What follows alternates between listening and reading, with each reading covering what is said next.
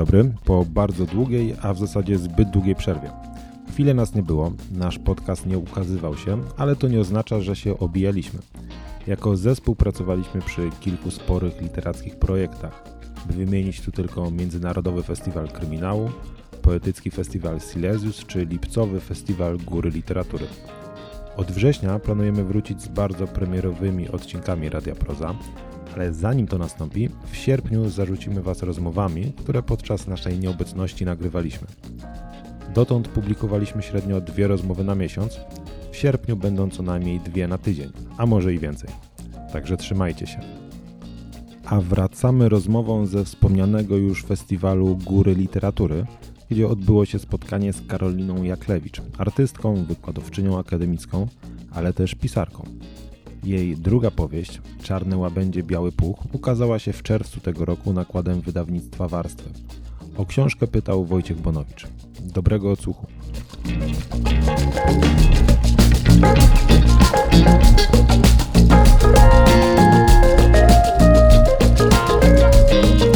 Bohaterką naszego spotkania jest e, Karolina Jaklewicz. Witam cię serdecznie, Karolino. Dzień dobry, witam Ciebie. Dzień dobry. Dzień dobry Państwu. E, Karolina jest artystką, e, e, jako artystka wizualna pracującą głównie pędzlem, autorką e, kilku wystaw. E, Troszkę o tym dzisiaj powiemy w czasie naszego spotkania. Bywa kuratorką wystaw, no ale dzisiaj jest z nami przede wszystkim jako autorka książek. E, Przed dwoma laty zadebiutowała powieścią Jaśmina Berezy. A w bieżącym roku ukazała się jej druga powieść w wydawnictwie Warstwy. Nosi tytuł Czarne łabędzie, biały puch. Wygląda tak właśnie. Nie wiem, co widzicie stamtąd, ale jak już będzie okazja po spotkaniu, to zapraszam Was rzeczywiście do tego booktraka, żeby się tej książce uważnie przyjrzeć, także od strony formy. I w ogóle tak wymyśliłem, że nie- nietypowo zaczniemy od strony formy właśnie, bo jest to niezwykle pięknie wydana książka. Wszystko właściwie w tej książce jest szlachetne. I okładeczka, i skrzydełka, i sposób, w jaki jest zaprojektowany tytuł, i, i papier. Powiedz, y, jak, jak powstawała ta szata graficzna i jak duży udział miała w tym twoja dusza? Mogę ten projekt chwalić, ponieważ nie jest mój. E, Jest to projekt e, Marii Bułkowskiej ze studia Temperówka. E, I myślę, że pretekstem do tego projektu jest po prostu książka i tekst. I tak też Maria opisywała swoją pracę nad projektem. Zainspirowana tym tekstem starała się znaleźć taką formę, która byłaby bliska człowiekowi, ale też bliska tematowi innych który w tej książce jest e, jednym z ważniejszych wątków. E, Jak ta książka tak naprawdę No e, jest do dotykania. A właśnie. Ona ma papier akwarelowy. Jest to papier mięsisty, papier z fakturą.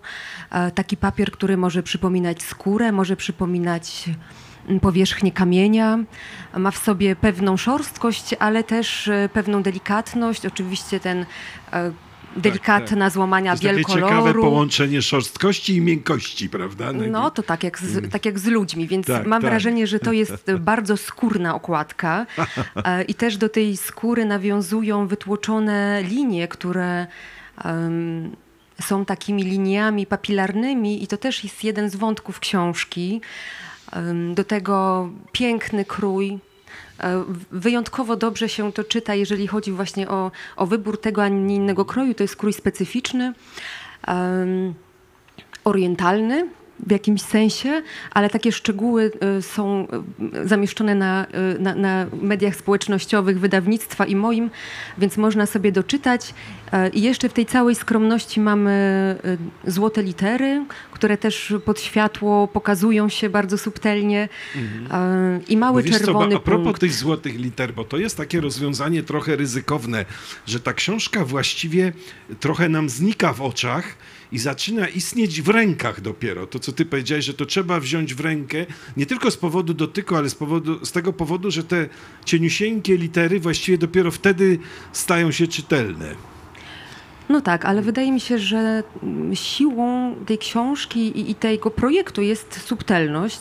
Mhm. E, I tak, i to jest książka do, do Musisz podejść bliżej, musisz podejść bliżej. Nie jakby, bać się Jakby okładka to otworzyć. mówi już, nie? Tak, Tak, tak. nie Mhm. trzymać się na dystans, tylko wziąć tą książkę do rąk. My niby o formie mówimy, a cały czas trochę o treści. Zaraz się Państwo zorientujecie dlaczego, ale jeszcze tak nie odpuszczę Karolinie do końca, bo otwieramy sobie y, pierwszy, y, tutaj tę książkę i na pierwszym skrzydełku nagle kropeczka. Właściwie taki nie wiadomo co, krope, kropelka krwi, płateczek jakiś, bardzo różne skojarzenia budzi ta czerwona błyszcząca kropka. Tak, to jest punkt zwrotny akcji książki, tak naprawdę, tak to projektantka wymyśliła.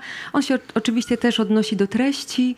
E, Jest to, ja nie będę mówić, co to jest, ale jest to mały czerwony znak. Tak, tak, tak, tak, tak. No ja tak nie myślałem, że nie wiedziałem, czy chcesz wyjawić tajemnicę, więc ja tak trochę pokazuję, jakie to może skojarzenia, skojarzenia budzić. Yy, powiedz mi, kiedy pracuje się nad tekstem, no skupiamy się, wiadomo, na słowach, na zdaniach, na akapitach, na kompozycji, ale kiedy pracowałeś nad tą powieścią, myślałaś też troszeczkę, no jak artystka wizualna, to znaczy, że co się z tym potem stanie? Jakbym to chciała mieć opakowane, jakbym to chciała mieć podane. Czy jednak to się daje jakby wyłączyć tego, tę część twojej osoby wtedy? Mnie się tym razem udało i rzeczywiście projekt był dla mnie niespodzianką i zaskoczeniem. Tak. Mhm. E, I bardzo się cieszyłam, że, że mogłam oddać sam tekst i dostać z powrotem właśnie taki piękny, piękną formę e, tej Mhm. subtelnej książki. A powiedz, co było impulsem do napisania tej powieści? Czy to było coś, co się działo wokół ciebie?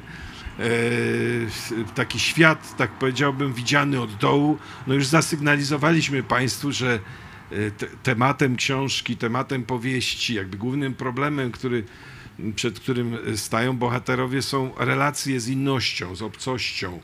E, I ch chciałem Cię zapytać o to, e, skąd, skąd wziąłeś impuls w przestrzeni takiej szerokiej, w tym świecie makro, dużo się na ten temat dzieje w ostatnich latach, prawda? W polityce, polityce społecznej, media są pełne rozmaitych tematów i, i dyskusji na ten temat, ale ty wybierasz właściwie w książce perspektywę trochę od dołu, to znaczy spójrzmy, przyjrzyjmy się tym wielkim procesom, wielkim sprawom z, z, z perspektywy, nie wiem, małego środowiska, niedużej liczby osób, gdzie był ten impuls, który ci kazał pójść w tę w stronę?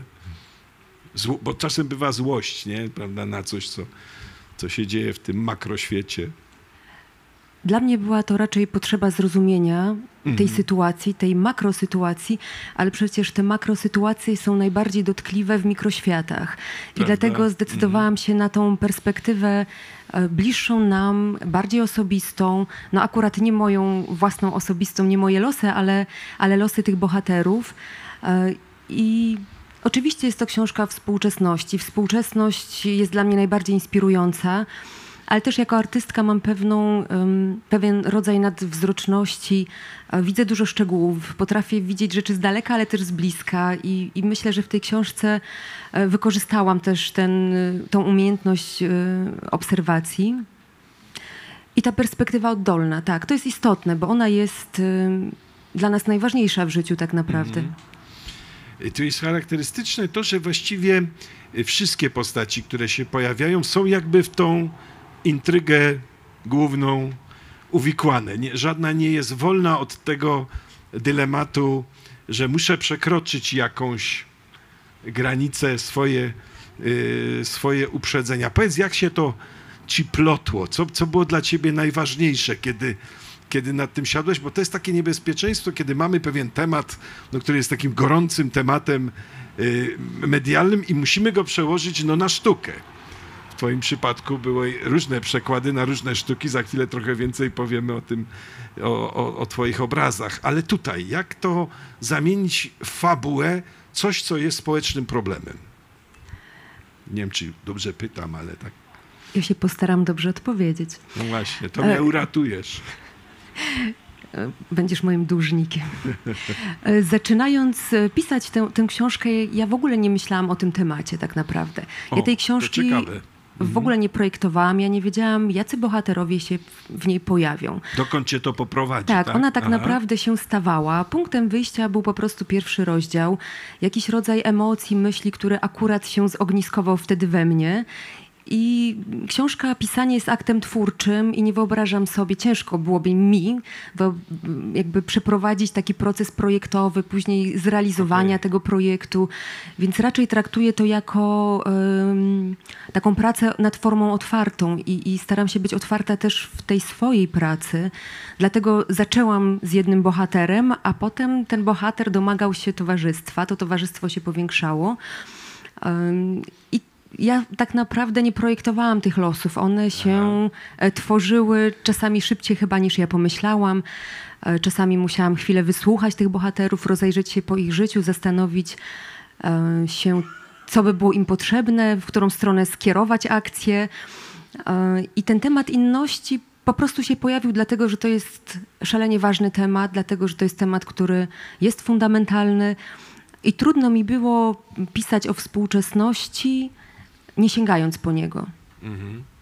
Czyli y, y, y, jakby to powiedzieć, trochę cię poprowadzili sami bohaterowie, prawda? W, te, w tym kierunku, tak to zrozumiałem, nie? Tak. Najpierw się pojawia bohater, a potem on nam mówi, mówi w cudzysłowie, co, co mamy z nim zrobić, albo gdzie za nim pójść. Jakby dialog z tworzącym się dziełem sztuki jest czymś kluczowym dla artystów, dla twórców, dla artystek, twórczyń, e, bo my sobie możemy coś wyobrazić, ale w trakcie pracy forma do nas mówi. Tak naprawdę przecież myśl jest jedną rzeczą, ale pracujemy w formie. W tym przypadku w tekście, w słowach i też język podpowiada nam pewne rzeczy. Czasami ten język e, wręcz wrywa się nam, te zdania się piszą i one układają się tak, a nie inaczej. I, i my trochę musimy je koordynować, pozwalać im w ogóle zaistnieć na tym papierze. Podobnie jest z obrazami. Więc ta rola moja była oczywiście taka y, kreatywna, ale też e, no, trzeba być uważnym, uważną pisarką, uważną artystką, uważną nawet na to, co się samemu robi. Aha. Słuchaj, no y, y, ten temat obco, obcości wejdziemy trochę za chwilę w książkę, ale na, na moment bym jeszcze wszedł w inne twoje działania. To jest temat y, ob, obcości, gościnności, jakby ustawienia się wobec y, tych ludzi, których postrzegamy jako, jako innych bardziej. Chociaż za chwilę to jeszcze y, pewnie y, y, ten problem rozpiszemy bardziej szczegółowo. Pojawia się też w twojej twórczości plastycznej. Stan wyjątkowy, bardzo taka niezwykła wystawa, zresztą pojawiła się w niezwykłym momencie, w takich bu- burzliwych miesiącach. Bardzo bym cię chciał poprosić o to, żebyś powiedziała trochę, w jaki sposób tam postawiłaś problem granicy. No, problem po, postawił się sam niestety. Tak. I przyznam, że już w sierpniu zaczęłam myśleć o wystawie i gdy zaproponowano mi termin e, lutego 2022 roku, to byłam przekonana, że mm, problem zostanie już rozwiązany, że ta wystawa będzie po czasie, ale jednak podjęłam tą próbę, żeby właśnie tą, tą emocję, która temu towarzyszyła, zmaterializować. E, I no, Mieliśmy w czasie, spo, w czasie spotkań na Górach Literatury kilka rozmów dotyczących e, tej sytuacji, przede wszystkim tę, którą prowadziła Urszula Glęsk e, z, z ludźmi, którzy w sposób cudowny i w sposób wyjątkowo odważny e, dają świadectwo człowieczeństwu. Po prostu czynią dobro tam, gdzie je trzeba czynić, i, ale niestety są przez to narażani na, na różne nieprzyjemności ze strony państwa. E, I ciężko nie myśleć o tym, co się dzieje na, polsko, pio- na polsko-białoruskiej granicy. Byłam tam kilka lat temu, kiedy Puszcza Białowieska przypominała piękne lasy, wręcz z Narni. E, Była no, taką cudowną bielą, nienaruszoną. Przeżyłam tam wspaniały czas i myślałam o tym, jak dla mnie był ten las przyjazny, jak, jak bardzo mnie cieszył, a jak trudny stał się dla ludzi, którzy chcieli po prostu przez niego przejść, e, ratując swoje życie. zostać. Niektórzy musieli tam zostać, właśnie o tym była ta wystawa. Pojawiły się obrazy Nie wszystko zasypie śnieg. bo z pewnością będziemy trafiać na szczątki tych e, ludzi, którzy, e, którzy chcieli uratować swoje życie, a, a nie udało im się to. I rozmówca Uli powiedział coś takiego pięknego o, o tym spotkaniu z innym, e, że on nie był przygotowany na te wyjścia do lasu, jest po prostu biologiem, ale w momencie, kiedy spotkał się y, z, z tą potrzebującą pomocy osobą, to po prostu zobaczył w niej człowieka, zobaczył siebie. Było to wręcz odbicie lustrzane. I ta inność także w tej książce jest y, no właśnie też tak pokazywana, bo nie zawsze chodzi o spotkanie e, z innym rzeczywiście, z kimś innym, ale czasami tego innego też mamy w sobie i też musimy się zmierzyć z problemem inności wewnątrz siebie. E, No oczywiście wystawa Stan Wyjątkowy no, odnosiła się do, do tego dramatu, który tam się rozgrywa. Do tego, że my będziemy musieli sobie z tym radzić w przyszłości jako społeczeństwo. Do tego, że osoby, które pracowały w tych służbach też będą musiały sobie z tym kiedyś poradzić, wracać do tego, przemyśleć to. Nie wiadomo, jakie, jak będą reagować na to ich dzieci. E, No za ileś lat opadną kurtyny sondaży, opadną jakieś mm, przemowy sejmowe, opadnie pył propagandy i po prostu pozostaną fakty. Y, Obyśmy te fakty mieli szansę przemyśleć, nie? bo to jest też tak, że fakty pojawiają się za faktami, także w twoją wystawę nagle wkroczyła rzeczywistość, e, Tak, w której trakcie, nie zakładałaś. Nie, absolutnie nie można było tego przewidzieć. W trakcie wystawy okazało się, że zdecydowaliśmy z właścicielami, z organizatorami, aby zamknąć galerię i stworzyć z niej miejsce, taki tymczasowy dom dla uchodźców i uchodźczyń z Ukrainy. I w pewnym momencie e, na podłodze, tam gdzie wcześniej leżały obrazy, bo tam też były obrazy nie tylko na ścianach, ale też leżały, jakby sugerując w ogóle tą, e, ten kierunek horyzontalny, może jeszcze o tym kiedy powiemy przy jakichś innych tematach, jest dla mnie interesujący. I w miejsce tych obrazów pojawiły się łóżka, pojawili się ludzie śpiący. I oni jeszcze spali pod tytułami prac, ponieważ zdjęte obrazy, tytuły jeszcze zostały. I ci uchodźcy, uchodźczynie z Ukrainy spały właśnie pod tytułem Pod gołym niebem. Czy nie wszystko zasypie śnieg. Więc to się w zupełnie nie, nieprzewidywalny sposób obróciło. No ale tak się stało. No cieszę się, że znaleźli schronienie. Tak, tak. Weszli w przestrzeń wystawy. Wiesz, myślę sobie o tym, no oczywiście miałem okazję obejrzeć tę wystawę już tylko w internecie, ale to, co jest uderzające, to to, że ty znalazłaś taką, taką bardzo oszczędną formę, która y, robi z nami dwie rzeczy. To, te obrazy, przy, przynajmniej o, o dwóch powiem, myślę, że więcej. To znaczy, z jednej strony nas y, y, strasznie, znaczy doświadczamy takiego chłodu. Nie w tym sensie, że, że czujemy, że artystka jest chłodna, tylko w tym sensie, że te prace emanują takim chłodem, takim zimnym, właśnie zimnego lasu, prawda? Zaśnieżonego lasu, nie pokazując wcale ani detalicznie drzew, ani niczego takiego, prawda?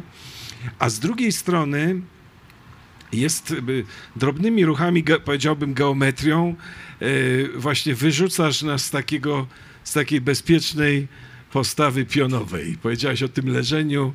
Myślę, że to jest ważne i, i, i w kontekście tej wystawy i trochę się też łączy z książką, ale, ale jeszcze o wystawie powiedzmy. Nie? Takiego y, wy, wy, wytrącić nas z równowagi bardzo delikatnym, artystycznym posunięciem. To muszę powiedzieć jest bardzo takie przejmujące na tej wystawie.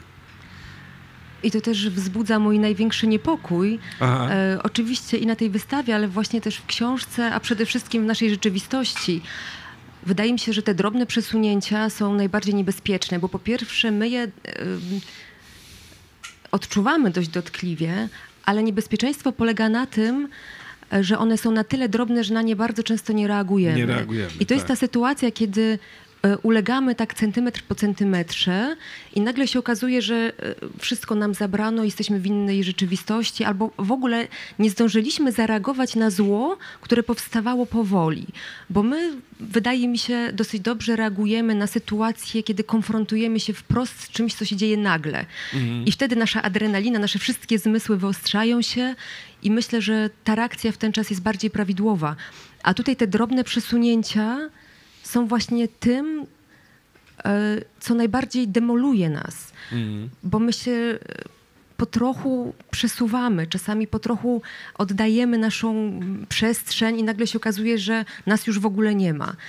E, Dlatego te drobne przesunięcia, te, te delikatne zachwiania wydają mi się takie istotne i, i wydaje mi się ważnym jest powiedzenie o tym, żeby jednak reagować szybciej, nie wtedy, kiedy coś już jest ogromne albo nagłe, tylko kiedy zaczyna się źle dziać po trochu. Bo zło ma to do siebie, że ono bardzo szybko się namnaża. W przeciwieństwie do dobra, które wymaga wysiłku i jakby nieustannej troski. E, To zło trochę tak samoistnie się ym, rozprzestrzenia I, i, i robi to drobnymi krokami, dlatego nam czasami właśnie ciężko zareagować.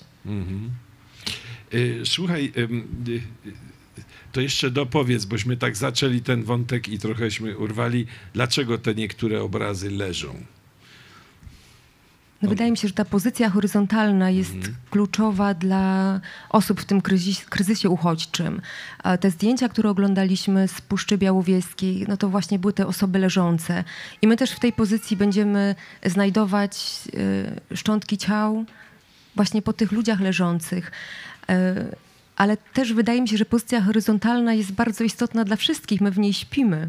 I to jest uniwersalna pozycja, kiedy tak naprawdę, kiedy jesteśmy bardzo zmęczeni, nic innego nie ma znaczenia, wszyscy na świecie chcemy się położyć, spać. Ale też ten horyzont i w ogóle myślenie hory- horyzontalne wydaje mi się istotne, ponieważ przez wieki byliśmy przyzwyczajeni do e, myślenia wertykalnego, do tej pionowej hierarchii. I oczywiście ta pionowa hierarchia jest wpisana i w patriarchat bardzo silnie, e, we wszystkie systemy władzy, e, w ideologię. I e, ona tworzy z naszej rzeczywistości układ nieprzyjazny, układ właśnie zamknięty i taki układ wykluczający, bo tam na samej górze jest naprawdę niewiele miejsca. E, Natomiast ten układ horyzontalny, gdybyśmy myśleli o naszej społeczności, o naszych relacjach, jak o współobecności właśnie w płaszczyźnie poziomej, to mielibyśmy bardziej równościowy sprawiedliwy świat. E, Jest taki piękny, znaczy nie wiem, taki piękny list, tak. Y, Pewnie wszyscy z Państwa znają wielką przyjaźń Jerzego Nowosielskiego i Tadeusza Różewicza. Tak, tak. I kiedyś właśnie Różewicz y, odpisał, y, ponieważ Nowosielski właśnie myślał o tej, myślał tą kategorią wertykalną, tym, że gdzieś tam u góry jest dobro. I Różewicz mówił, że on się w ogóle z tym nie zgadza, bo uważa, że dobro i zło jest równomiernie rozłożone w pozycji właśnie w tej przestrzeni horyzontalnej.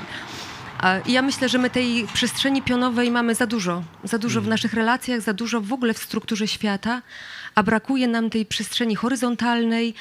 Ale ta przestrzeń jest budowana właśnie przez takie spotkania. Właśnie przez takie spotkania w takich miastach jak Nowa Ruda, Radków e, i innych okolicznych. Myślę, że jesteśmy właśnie tutaj z państwem na przestrzeni poziomej rynku e, i nasze Ja bym relacje. powiedział, że te przestrzenie Nowej Rudy czy Radkowa są trochę tak jak w twoich obrazach, to znaczy one są tak lekko wszystkie nachylone, my się trochę musimy, wiesz, No w ani geometrii- pion, ani, ani leżenie, jeszcze coś innego. W geometrii tak, ale mentalnie jesteśmy równi tutaj. Tak, tak, tak. Y, To jest bardzo ciekawe, co powiedziałeś, bo sobie tak pomyślałem, jak oglądałem Twoją y, wystawę. Bardzo Państwu polecam, to jest bez trudu do znalezienia w internecie. Wystarczy wpisać stan wyjątkowy, nazwę wystawy i na, y, nazwisko Karoliny i, i, bez trudu się odsłoni odpowiednia strona. Ale właśnie pomyślałem sobie, że i to znowu wiąże się, to jest w Twojej sztuce, ale też jest właśnie w Twojej książce, że kiedy mamy obrazy wyłącznie na ścianach, zapominamy, że w pomieszczeniu jest dół. Prawda? I w tej książce też tak jest, że jakbyśmy się zajęli, że jak się zajmujemy problemami w ich takich, e, e, w, jeszcze raz użyję tego określenia, w skalach makro, to zapominamy, że one mają swój kontekst bardzo przy ziemi i są, dotyczą ziemi, po prostu tego, przede wszystkim dlatego, że po ziemi chodzimy, na ziemi, ziemi śpimy, nie? E, Chciałem cię zapytać, jak, e, wracając już teraz do powieści, e, jak twoim zdaniem rodzi się niechęć właściwie do, do obcego, nawet takiego obcego, który już jest jakoś oswojony? Wśród twoich bohaterów są tacy bohaterowie, y, y, którzy już mieszkają w Polsce, urodzili się w Polsce. Jest bohater, który jest y, takim polskim Turkiem, ale pięknie o tym piszesz. Codziennie rano, stając na progu mieszkania, staje na granicy polsko-tureckiej, prawda? Znaczy, że ciągle codziennie musi przekroczyć granicę y, i codziennie wejść jako cudzoziemiec właściwie w przestrzeń e, zewnętrzną, w tę przestrzeń e, polską. Dlaczego to tak działa? Co, y, czy, czy chodzi po prostu o to, że my z rutyny jesteśmy tacy, prawda, z przyzwyczajenia, bo nie za dużo y, było y, roz, rozmaite, ro, takiego świata rozmaitości wokół nas, czy, czy, co, czy coś innego? Cała Polska się opycha kebabem i ogląda tureckie seriale. Wydawałoby się, że taki Ertan, bohater twojej powieści, już, po, już nie powinien być jakimś y, szczególnym zjawiskiem. A jednak mówisz, tak, to w ludziach budzi się, pokazujesz bardzo tak y, interesująco, jak się budzi poczucie obcości wobec niego. No bo ta akceptacja jest bardzo często do czasu. I teraz, kiedy jest ten punkt... Warunkowa. Kiedy jest Tak ten jakby. punkt graniczny, kiedy to następuje, to jest trudne do zdefiniowania. Oczywiście to, o czym powiedziałeś, o tym braku różnorodności od wielu, wielu pokoleń, e, na pewno tak. My nie jesteśmy przyzwyczajeni. Ta e, homogeniczność sprawia, że my tego innego bardzo szybko wyłapujemy, bardzo szybko widzimy jego inne cechy wizualne, słyszymy bardzo szybko jego inny akcent, E, ale zapewne ta niechęć, no właśnie to jest pytanie, skąd się bierze w ludziach niechęć do ludzi? Przecież my wszyscy jesteśmy inni, tak naprawdę inni się rodzimy. Brachczajna pięknie o tym mówi, że rodzimy się jako obcy niejako, że każdy z nas jest obcy. E, I tak jest. I być może to wynika z braku akceptacji naszej inności, naszej odmienności, e, być może z potrzeby przynależenia do większych grup, które dają pozorne bezpieczeństwo. Nie wiem, ale wiem, że ta niechęć, ten lęk przed jakąkolwiek innością, obcością jest w nas gdzieś bardzo głęboko podskórnie schowany. Że to są takie drobne blizny od wnętrza skóry wręcz, które e, czasami dają o sobie znać. E, Być może nie przepracowaliśmy tego jako społeczeństwo nigdy w tej współczesności ostatniej tak naprawdę. Być może kultura, w której żyjemy, jest taka zamknięta. Ty, ty robisz taki bardzo ciekawy efekt, bo y, to, to pytanie o, o, o, swój, o swój stosunek y, y, do ludzi, w cudzysłowie skądinąd, stawia sobie bohaterka, którą my, do której my się najpierw przyzwyczajamy, zaczynamy żyć jej życiem, zaczynamy z nią sympatyzować, prawda, utożsamiać się z nią i nagle ona stawia to pytanie, nie? Dlaczego ja go właściwie nie lubię? To jest literacko bardzo tak ciekawe, zrobio- ciekawie zrobione, że pytanie pada w momencie, kiedy my już jesteśmy bardzo daleko zaangażowani w tę w tę przygodę.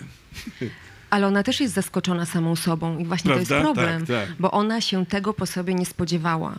Ona właśnie odkryła, że jest kimś innym niż myślała, że jest. I właśnie stawia sobie pytanie, kto ją zatruł tym? Jakby kto kiedy wpuścił jej, te, jej ten jad w jej krwiobieg. A Dla niej to też jest zaskakujące, tak samo jak dla nas. Ona też przestaje się lubić w tym momencie. I, I myślę, że na końcu właśnie w tej swojej dramatycznej wypowiedzi pokazuje, jak bardzo to jest, mm, że to nie jest takie oczywiste, że my jesteśmy tacy otwarci, że każdego z nas może spotkać e, takie niemiłe doświadczenie tego, że jesteśmy mniej przyjemni niż nam się wydawało, że będziemy. Może mniej odważni właśnie, może mniej otwarci. Y, Ja, ja, y, tak, nie, nie chciałbym zgubić literackich wartości tej książki, więc rozmawiam równolegle o tym, o czym ona opowiada, ale, y, ale też właśnie o pewnych takich kwestiach, powiedzmy, technicznych. I to jest bardzo ciekawe, że ty też właściwie y, da, da, da, dajesz nam jakiś rodzaj takiego pocieszenia na koniec, czy konsolacji w tej książki, w tej książce. Ona jest tak skonstruowana, ta powieść, że my nie wychodzimy z niej tacy, jak z wielu niestety współczesnych powieści bywa, jak to bywa, prawda? Zwłaszcza takie, które stawiają mocne problemy społeczne, że wychodzimy albo z jakimś taką, ta, ta, takim rodzajem no, niepokoju, z którym nie wiemy, co zrobić. Mam, ty się zdecydowałeś na taki efekt y, konstrukcyjnie, że nagle my dostajemy tych wszystkich bohaterów raz jeszcze y, w pełni. To można chyba o tym opowiedzieć trochę, bo, y, bo, bo, y, bo to jest ważny ch- chwyt i to niczego nie zepsuje w lekturze, mam nadzieję. Bo ja mam cały czas nadzieję na ten świat, na, na to, że ten Aha. świat e, jednak pójdzie w dobrą stronę. I rzeczywiście ta książka najpierw kończyła się tym e, pierwszym zakończeniem, e, ale to wręcz bohaterki i bohaterowie domagali się jeszcze pewnego wyjaśnienia. To oni mieli potrzebę e, konfrontacji z publicznością. Mnie się to skojarzyło ze współczesnym teatrem, kiedy e, na przykład w ostatnim akcie wychodzą aktorzy i aktorki i mówią takie monologi, które są częścią ich życia. Albo to są improwizacje, ale mamy wrażenie, że oni już są poza tym spektaklem, a jednocześnie chcą jeszcze coś powiedzieć, chcą się jeszcze jakoś wytłumaczyć, o coś dopytać nie chcą właśnie pozostawić publiczności w tym zawieszeniu. I tutaj było podobnie. Chciałam, żeby ci bohaterowie, bohaterki mieli odwagę też sami przed sobą powiedzieć, e, zadać sobie to najważniejsze pytanie, kim my jesteśmy i dlaczego jesteśmy tacy, a nie inni. To taki jest bardzo odważny ruch, bo e, no, toczy się pewna intryga. Bardzo trudno się opowiada o, o książce, żeby Państwu trochę nie zepsuć przyjemności lektury, ale to jest intryga miłosna. Jest taka intryga, w której jeden bohater e, po prostu poszukuje e, swojej matki, nigdy nie, nie dostał jakby od ojca żadnej informacji o tym, kim, kim ona była i, i musi na własną rękę, korzystając z pomocy wielu ludzi, wykonać taki wysiłek.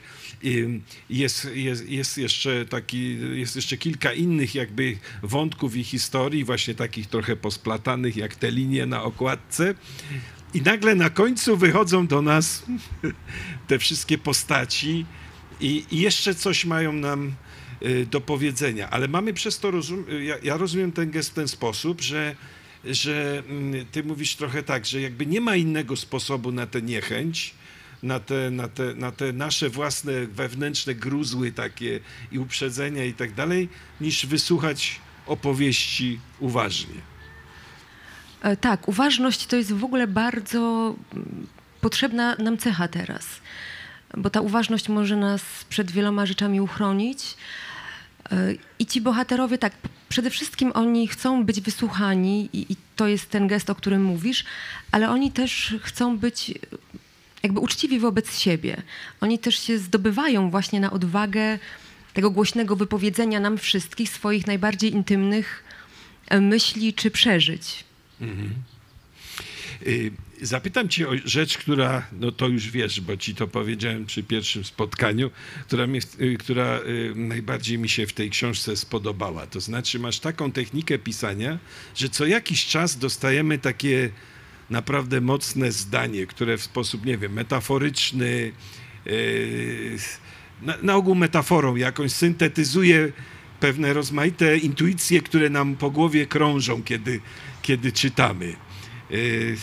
To są bardzo, czasem to są zdania, które mogą się wydać bardzo niewinne, ale oto jedna z tych bohaterek, które występują na końcu, mówi: W moim życiu panował tłum, ledwie mieściłam się między setkami poznawanych osób. Nie? To, yy, krępująca sytuacja w trakcie, em, w trakcie powieści. Yy, Nastała ciężka cisza. Dom był spocony.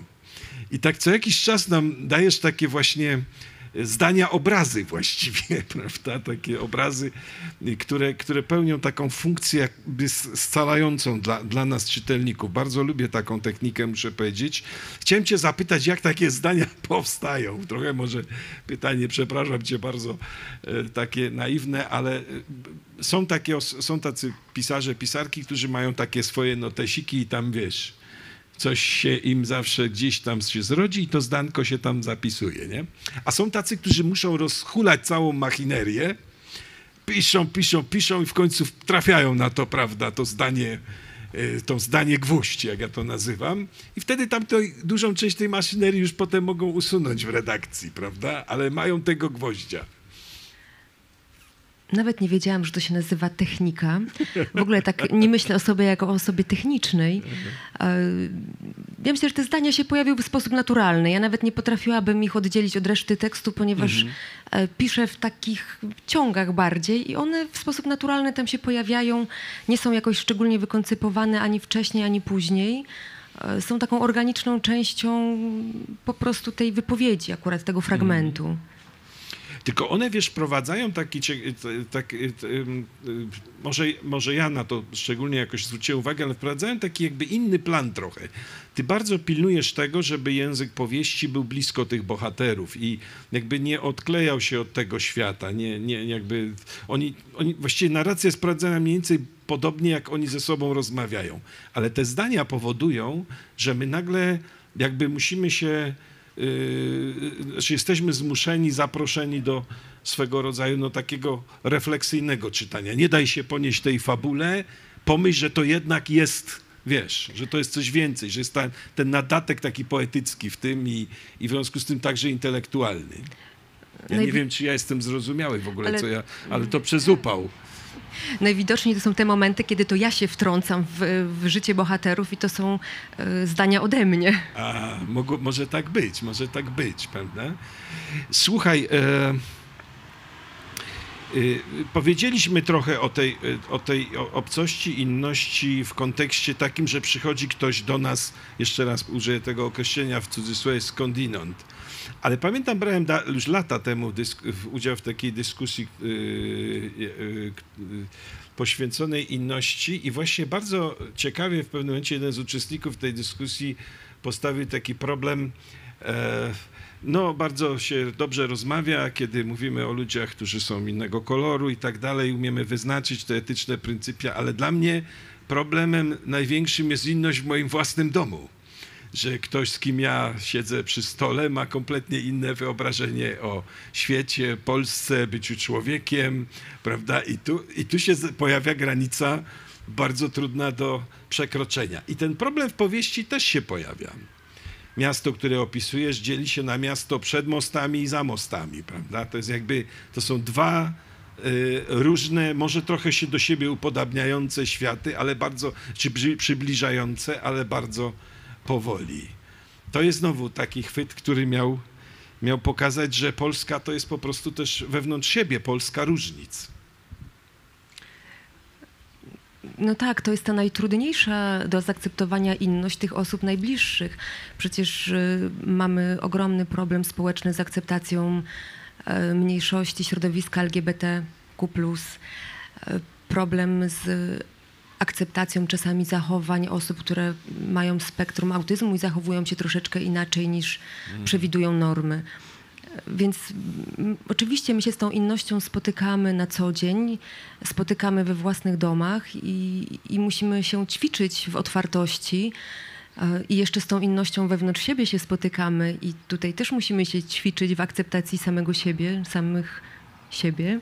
Mhm tu jest trochę ta, ta te, te, mosty są przez ciebie dobrze rozegrane, no bo most jest czymś, co powinno właściwie ludzi połączyć, nie? Symbolicznie, a jeszcze mosty to już w ogóle, prawda? I nagle okazuje się, że to są jednak y, światy, no dzisiaj się często mówi klasowo inne, ale tu chodzi o coś trochę głębszego niż tylko klasowe. To znaczy po prostu y, ludzie żyją w nierównomiernie rozwijających się światach, choć żyją dość podobnie do siebie, prawda? I we, wo, wo, niby wokół podobnych wartości właściwie, a jednak to już y, jednak jest granica, prawda? Jest jakiś rodzaj, nie wiem, oporów tych, który też trzeba pokonać.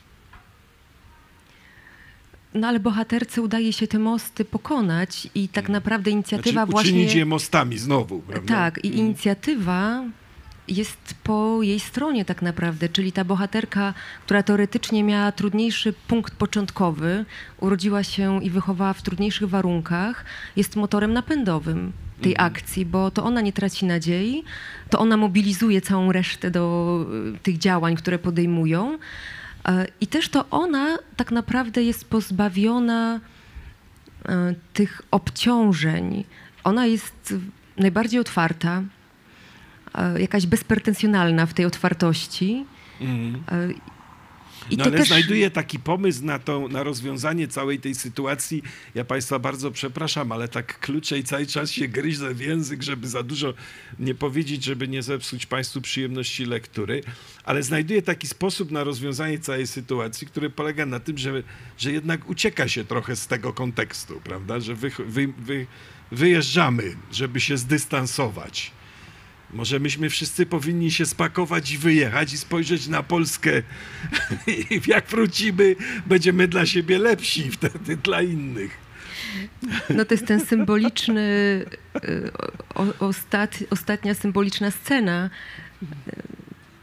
No tak, ale to też właśnie wymyśla ona, ta, ta dziewczyna z teoretycznie gorszej dzielnicy, y, która, która jest najbardziej niezależna z nich wszystkich. To mi się bardzo ten projekt, wiesz, pomysł spodobał, nie? że może jak się nie damy rady tu dogadać, to znajdźmy sobie inne miejsce, prawda? I- A to nie jest takie proste. Nie, Nie wiem, proste, czy tak, na pewno tak. znasz wiersz Kawafisa Tak. e, o tym, że jak opuścimy nasze miasto, pojedziemy nad inne morze, to i tak e, dotrzemy do tego samego miasta, bo będziemy w nim znowu my. Tak właśnie, prawda? Znaczy jest taka obawa, że my tam zabierzemy to wszystko, zamiast się tam tego pozbyć. Proszę Państwa, y, czy chcecie o coś zapytać? My już tu chwileczkę gadamy. Patrzę też przy, przez internet, ktoś tu do mnie się nie odzywa a propos spotkania, ale na razie nie. Jeszcze jest przewidziane czytanie. Karolina się da namówić, także... Mhm. Jeśli nie macie y, pytania, to ja jeszcze oczywiście mam y, ki- kilka, nie? Wiesz, bo y, czy, czytam oczywiście dzisiejszą, dzisiaj powstające powieści, patrzę jak autorki, autorzy konstruują fabułę, jak, jak budują bohaterów, jakie, jakie wybierają zdarzenia, jakie zdarzenia się nie pojawiają. Zastanawiam się, czy miałeś taki problem, idąc za tymi bohaterami, żeby swoją wyobraźnię trochę uwolnić od tego, co dzisiaj napiera na nas ze wszystkich stron. To znaczy e, od takiego serialowego myślenia co, e, o, e, o postaciach, o fabule, które moim zdaniem jest bardzo dużym problemem dzisiaj dla, dla literatury w ogóle, a, a dla prozy w szczególności. To znaczy, że, że my jakby snujemy intrygi, znaczy wydaje się nam, że jakby wysnuwamy intrygę, ale tak naprawdę potem może, bo, y, może się okazać, że ta intrygę już nam po prostu ktoś napisał. Jak się przed tym, bo wydaje mi się, że tobie się udaje przed tym bronić, ale czy w ogóle stanął taki dylemat przed tobą?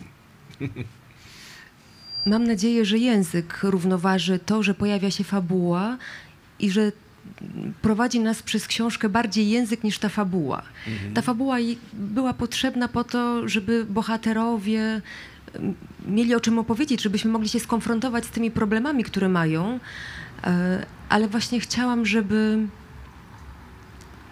żeby język był tym, co nas przy tej książce przytrzyma. A y, jest taki motyw, jeszcze może o niego zapytam, zanim, zanim o, poproszę cię o przeczytanie fragmentu, który w tej książce też tworzy taką dodatkową ramę. Mianowicie główna bohaterka tłumaczy, jest tłumaczką. Wyobrażam sobie, że nieprzypadkowo tak się stało.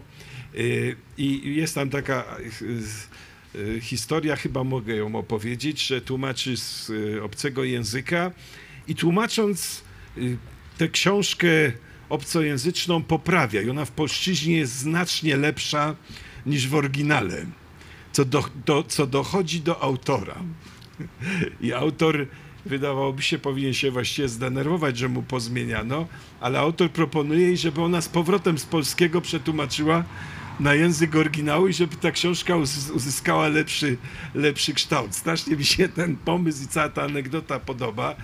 I, i, ale chciałem zapytać, czy ona też nie jest rodzajem pewnego twojego hu, trochę hu, dowcipnego y, komentarza do tego problemu obcości nie? i tego problemu takiego, wiesz, przekroczenia granic.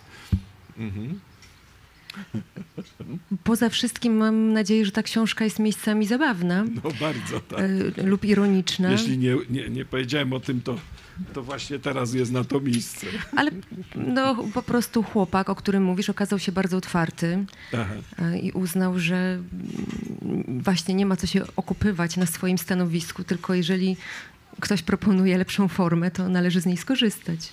Tylko ja rozumiem sens tej sceny w ten sposób, że obcy, który przychodzi, może nam o nas samych, może nas samych wyłożyć lepiej, niż myśmy to zrobili, prawda?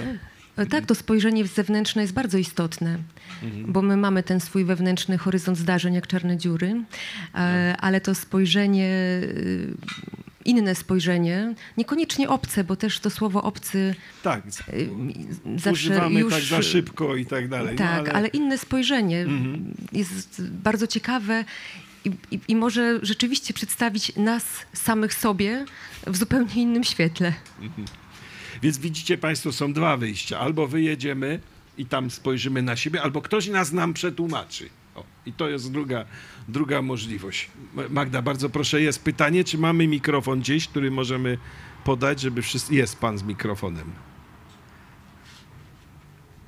Ja y, wrócę, y, Karolino, do początku waszej rozmowy, bo tak sobie pomyślałam, ja się od już dłuższego czasu zajmuję takim problemem y, artystów, którzy uprawiają różne sztuki. Ale w twoim przypadku to jest y, no, wielka jakby odległość między tw- twoim malarstwem, które jest, to może państwo nie wiecie, taką piękną abstrakcją, e, bardzo taką szlachetną, e, wspaniałą, taką świecącą, błyszczącą niekiedy, ba, ba, takimi efektami bardzo wizualnymi. Jest, jak to kiedyś mówiono, takim czystym malarstwem, chociaż oczywiście jest ta, jest, y, po, pojawia się ten element tytułów które, i tematów, które podejmujesz, ale jednak to co się takiego stało, że poczułaś tą potrzebę wypowiedzenia się jednak y, poprzez powieści? Czy to się jakoś tak powoli rodziło, czy, czy, jest, czy wyrosło z, takiego, z jakiegoś braku, z jakiegoś, jakiejś przestrzeni, której nie mogłaś wypełnić Mhm. e, twórczością, tam. no. twórczością, e, twórczością e, tą e, plast, plastyczną? To by, to by było jedno pytanie. A drugie, e, wiesz, ja jeszcze nie czytałam twojej poprzedniej książki, dopiero przeczytam tą i, i chciałam się zapytać, jak ty mm, się sytuujesz w tej przestrzeni współczesnej prozy? Kto ci jest bliski, tak? Czego mogę oczekiwać jako czytelniczka? Czy to takie pytanie trochę o mistrzów? No bo mogę sobie też wyobrazić, że to jest taka forma zupełnie nieoczekiwana, właśnie taka wymyślona zupełnie, ale może tak jest jak w przypadku twojej sztuki plastycznej, że jest ta geometria, abstrakcja geometryczna, z której wychodzisz, więc być może tu też jest taki wzorzec powieściowy, od którego e, jednak się, czy w który się wpisujesz. Dziękuję. Bardzo dobre pytania. Dziękuję. No. Profesjonalistki. Najbliższy to teraz jest mi Wojciech Bonowicz. Geometrycznie. E, Bo tu siedzę. No. E, Wracając z Magdo do twojego pierwszego pytania, e, mnie słowa towarzyszyły od początku i ja zawsze byłam dość wrażliwa na język, e, stąd też tytuły moich prac. Bardzo często najpierw był tytuł, a potem obrazy. One oczywiście e, w tym oglądzie pierwszym są abstrakcyjne, są formami geometrycznymi. Z tymi lekkimi przesunięciami i tym niepokojem, o, który, e, o którym Wojciech z, Ja z tą strasznie. wewnętrzną dekonstrukcją i nielogiką. Tak, jest to taka w jakimś sensie zaprzeczenie geometrii.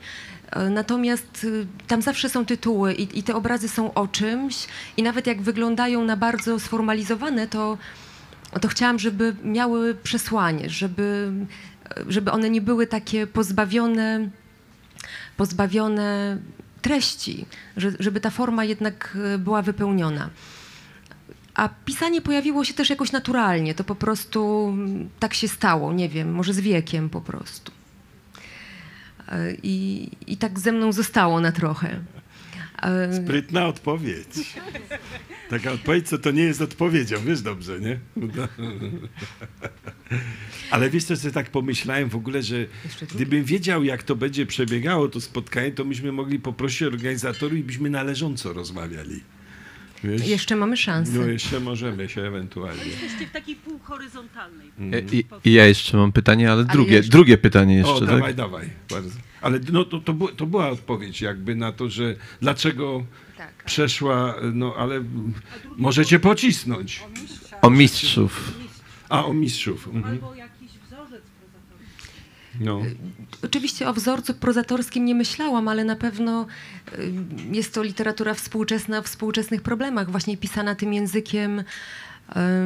Karolina Felberg powiedziała skromnym, że to jest taki sk- skromna, taka skromna siła języka. Nie pamiętam dokładnie, jak ona to ujęła, ale jest w tym coś powściągliwego, ale jednocześnie to, czym mówisz, lekko poetyckiego. Nie jestem badaczką literatury, więc y, umieszczanie się w tym kontekście mm, mogłoby nie wybrzmieć zbyt dobrze y, i, i to trudna by była dla mnie rola. Y, Natomiast no, czytam współczesną literaturę. Jak teraz wymienię mm, 15 osób, to kolejne 15 będzie urażone, więc tutaj bym wolała z nazwiskami jakby nie przesadzać. Czytam współczesną literaturę też Europy Środkowej, dzięki Aha. wspaniałym przykładom, które, które w Polsce są dostępne. E, Od zawsze, odkąd pamiętam, czytam poezję, e, poezję Bardzo dobrze, chwali się to. Twoją też. No, dziękuję bardzo. To, to było niekonieczne, ale, to, ale bardzo ci dziękuję, bardzo mi jest miło. Proszę. No. E, Więc, więc ta e, poezja, która mi towarzyszy, no generalnie staram się czytać. Czytam też eseje, e, czytam artykuły naukowe. E, No myślę, że A jak piszesz, to czytasz? Bo to jest ciekawe zagadnienie, jak się, Nie. czy, bo niektórzy potrzebują znowu odstawić kompletnie, prawda? A inni inaczej, traktują literaturę i, pisaną przez innych jako rodzaj takiego zapłonu. Nie, raczej wtedy nie czytam, wtedy już nie za bardzo mam czas. Natomiast y, pomyślałam, że przy okazji tej odpowiedzi na pytanie powiedziałabym o czymś, e, co mnie nurtuje od kilku dni, a mianowicie pewne kompetencje. I teraz wydaje mi się, że najistotniejsze jest nie to, z jakimi kompetencjami przychodzimy do sztuki, tylko co ona nam daje. E, I jak bardzo nam jest potrzebny udział w czytaniu, jak bardzo nam jest potrzebny udział w kulturze, bo to nam daje ćwiczenia w krytycznym myśleniu. My w, e, w tej fikcji, którą otrzymujemy od artystek, artystów, jesteśmy targani różnymi emocjami, my jesteśmy przerzucani z bieguna na biegun. My jesteśmy tam poddawani pewnym eksperymentom, przeżywamy pełne, pewne traumy. One oczywiście potem od nas odchodzą, my potrafimy je zamknąć, zakończyć, zamykamy książkę, wychodzimy z wystawy, e, kończy się spektakl teatralny, ale pozostajemy wyćwiczeni w krytycznym myśleniu. I wtedy... No czasem nas za, y, jednak zaczepią czymś, prawda? Wbiją w nas jakiś Ale- pazur. Ale myślę o tym, że to jest bardzo istotne, ponieważ jako społeczeństwo umiejące krytycznie myśleć, y, nie, nie poddajemy się fantazjom, które nam są serwowane na przykład przez władzę czy przez inne e, okoliczności. Nie ulegamy spiskowym teoriom dziejów, ponieważ my potrafimy już odróżnić fikcję e, od prawdy i potrafimy na to lepiej reagować. E, I ogromnym problemem naszym społecznym jest właśnie ten zanik krytycznego myślenia, który najlepiej się w sztuce em, trenuje. W sztuce, w tej sferze i to Bo też... Filozofia trochę odpuściła. Już Michał Heller wyjechał, to mogę powiedzieć, nie? Bo tak, Tak, wcześniej- ale też właśnie, może wracając przy okazji do tego tam sporu, który się trochę zarysował na początku kuluarowo e, z, z, między e, Krzysztofem Meissnerem, potem Tak, został tak, podjęty W, dyskurze, w dyskusji z profesorem Hellerem. E, Został określony świat materialny i ten świat transcendentny, przy czym transcendentny został em, przypisany do religijności, jako ten świat duchowy. A tak naprawdę najdoskonalszą formą życia duchowego i tego świata duchowego jest sztuka, jest kultura, ponieważ w przeciwieństwie do religii ona od nas niczego nie wymaga, do niczego nas nie zmusza, nie prowadzi do przemocy, nie prowadzi do wojen e, i pozwala nam być wolnymi. I sztuka Ty mi daje nie nam mów teraz wolność. takich rzeczy, bo ja bym za, zacznę drugą godzinę rozmowy. No. Ale bardzo Ale fajnie. pomyślałam, że Żartuję przy oczywiście. okazji tego. Że przy okazji tego pytania do tego wrócę, bo jest to Aha. ważny temat. Ważny Tak, temat, tak, żeby tak. powiedzieć o tym, że sztuka jest naj, chyba najbardziej moralną przestrzenią duchową i taką, która nam e, najwięcej daje. I myślmy o sztuce i o kulturze jako tej przestrzeni transcendentnej, metafizycznej, duchowej, bo taka właśnie jest. I ona nas wzbogaca właśnie w tych przestrzeniach bardzo mocno. No i daje nam to, co mówiłam, pewną odporność na, em, na jakieś trudy tego świata. Na I na manipulację też, tak, tak. A ty chciałeś zapytać jeszcze o coś? Ja chciałem zapytać, nie, nie wiem czy mamy czas, ale dobrze, Mamy zapytam jeszcze. króciutko, wracając do tego pierwszego pytania e, Magdy, mianowicie pomyślałem sobie, a co takiego jest właśnie mm, malarskiego, czy jeśli chodzi o obrazy, o, czy też myślenie w, e, obrazami, bo wyście sporo mówili o języku, o frazach e, i tak dalej, natomiast jest taka scena w twojej książce, scena przy pianinie, e, która jest bardzo zmysłowa, bardzo mm, cielesna i wydaje mi się, że są, znalazłbym więcej takich fragmentów, te fragmenty są erotyczne po prostu, e, erotyczne, tak, seksualne, zmysłowe. E, i i oto, to jest jakby inny język. Tu, tu, czy, czemu one służą? Bo one nie służą przecież, tak jak mówiłaś tutaj, o popchnięciu akcji, o tym języku i tak No dalej. nie, I one daj są, spokój, no. one są, znaczy, o, dobrze, jest kluczowa scena. Dobrze, no pop, popycha akcję, do, tak, to niewątpliwie. Ale, ale one właśnie, jaką rolę pełnią? Czy one nie są właśnie bardziej takie e, malarskie? Czy tam nie ma tej wizualności więcej? Hmm, Filmowe? Bo tam się dzieje ta metafizyka między bohaterkami, bohaterami, która wynika z cielesności, z naszej materialności. To jest, y, seksualność jest bardzo istotną częścią naszego życia i, i ciężko pominąć ją w książce o ludziach. Ale bohaterka robi coś właśnie, żeby przemienić też trochę to, co biologiczne w sztukę, nie? To jest bardzo zgrabnie tam zrobione, ale już tego Państwu nie zdradzę. To sobie musicie już sami o tym pianinie przeczytać. Słuchajcie, chcecie jeszcze usłyszeć, jak Karolina czyta? Tak. Trzy, trzy osoby powiedziałeś, że tak, czyli większość. W związku z tym, Karolina, ja ci daję na chwilę twoją własną Większość, książkę. większość, ale trzeba pamiętać, że demokracja służy do ochrony mniejszości. Tak. Słuchaj, przeczytaj im tak na pocz- kawałek początku, chociaż na, na zachętę, żebyśmy się trochę. Yy, bardzo mi się spodobało to określenie Karoliny, drugiej Karoliny, które zacytowałaś. Tak, to jest taki właśnie język, więc posłuchajmy. Będzie czytać autorka Karolina Jaklewicz. Imię matki nie pamiętam. Jakub nie mógł pamiętać imienia matki, bo nigdy go nie poznał, a jedyna osoba, która je znała, umarła z tajemnicą schowaną głęboko w brzuchu. Ojciec skutecznie połknął jej imię.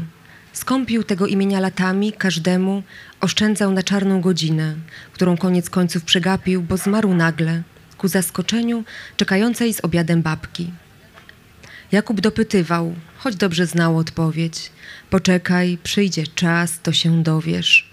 Matka, jak wywnioskował z posłuchanych skrawków ojcowych wspomnień, które przypadkowo wypadały z jego zmęczonych ust, była za młoda, za zagraniczna i za mało odpowiedzialna. Więc ojciec przejął niemowlę i wrócił do swojej matki babki. Kontakt z rodzicielką urwał się na zawsze. We wczesnym dzieciństwie Jakub myślał, że babcia to mama, tylko trochę później. Nie rozdzielał tych kobiet. kobiet. Zlewały mu się w jedną karmiącą i karcącą postać. Gdy nieco podrósł, babka wydała mu się na matkę za stara, zbyt zgarbiona, zbyt żylasta, zbyt spóźniona. Wypatrywał więc jej w kolorowych obrazkach, które dostawał po kolędzie i z namaszczeniem wklejał do zeszytu. Potem w rozkładówkach na ścianach zakładów mechaniki pojazdowej albo w egzotycznie brzmiących nauczycielkach języków obcych. W szkole pewna samotna plastyczka próbowała otoczyć go matczyną opieką, ale była tak nieapetyczna, że Jakub zaczął unikać prowadzonych przez nią zajęć. Sierota, sierota, dokuczały dzieci, chociaż miał ojca. Po latach usłyszał w radiowej audycji, że gdy umiera ojciec, dziecko staje się półsierotą. Gdy umiera matka, po prostu sierotą. Ale czy jego mama umarła? Gdy dorastał, rosła w nim wyrwa. Wyrwano mu matkę, stałego zęba, ósemkę mądrości być może. Wyrwano pod znieczuleniem babcinych budyniów i dziadkowych gier planszowych. Ale gdy opadły mgły dzieciństwa, pojawił się pulsujący brak. Ziemia niczyja, ziemia leżąca odłogiem fantazji. Jeszcze? Dalej? Mnie nie mów, ja po prostu uwielbiam jak się czyta, no więc, ale może w tym miejscu Państwa zostawimy, zostawimy. Bardzo Ci dziękuję.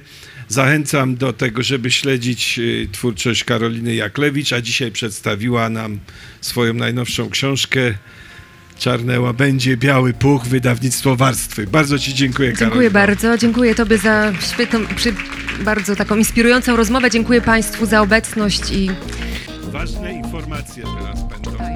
To znaczy, tam jest z tyłu ten właśnie book track,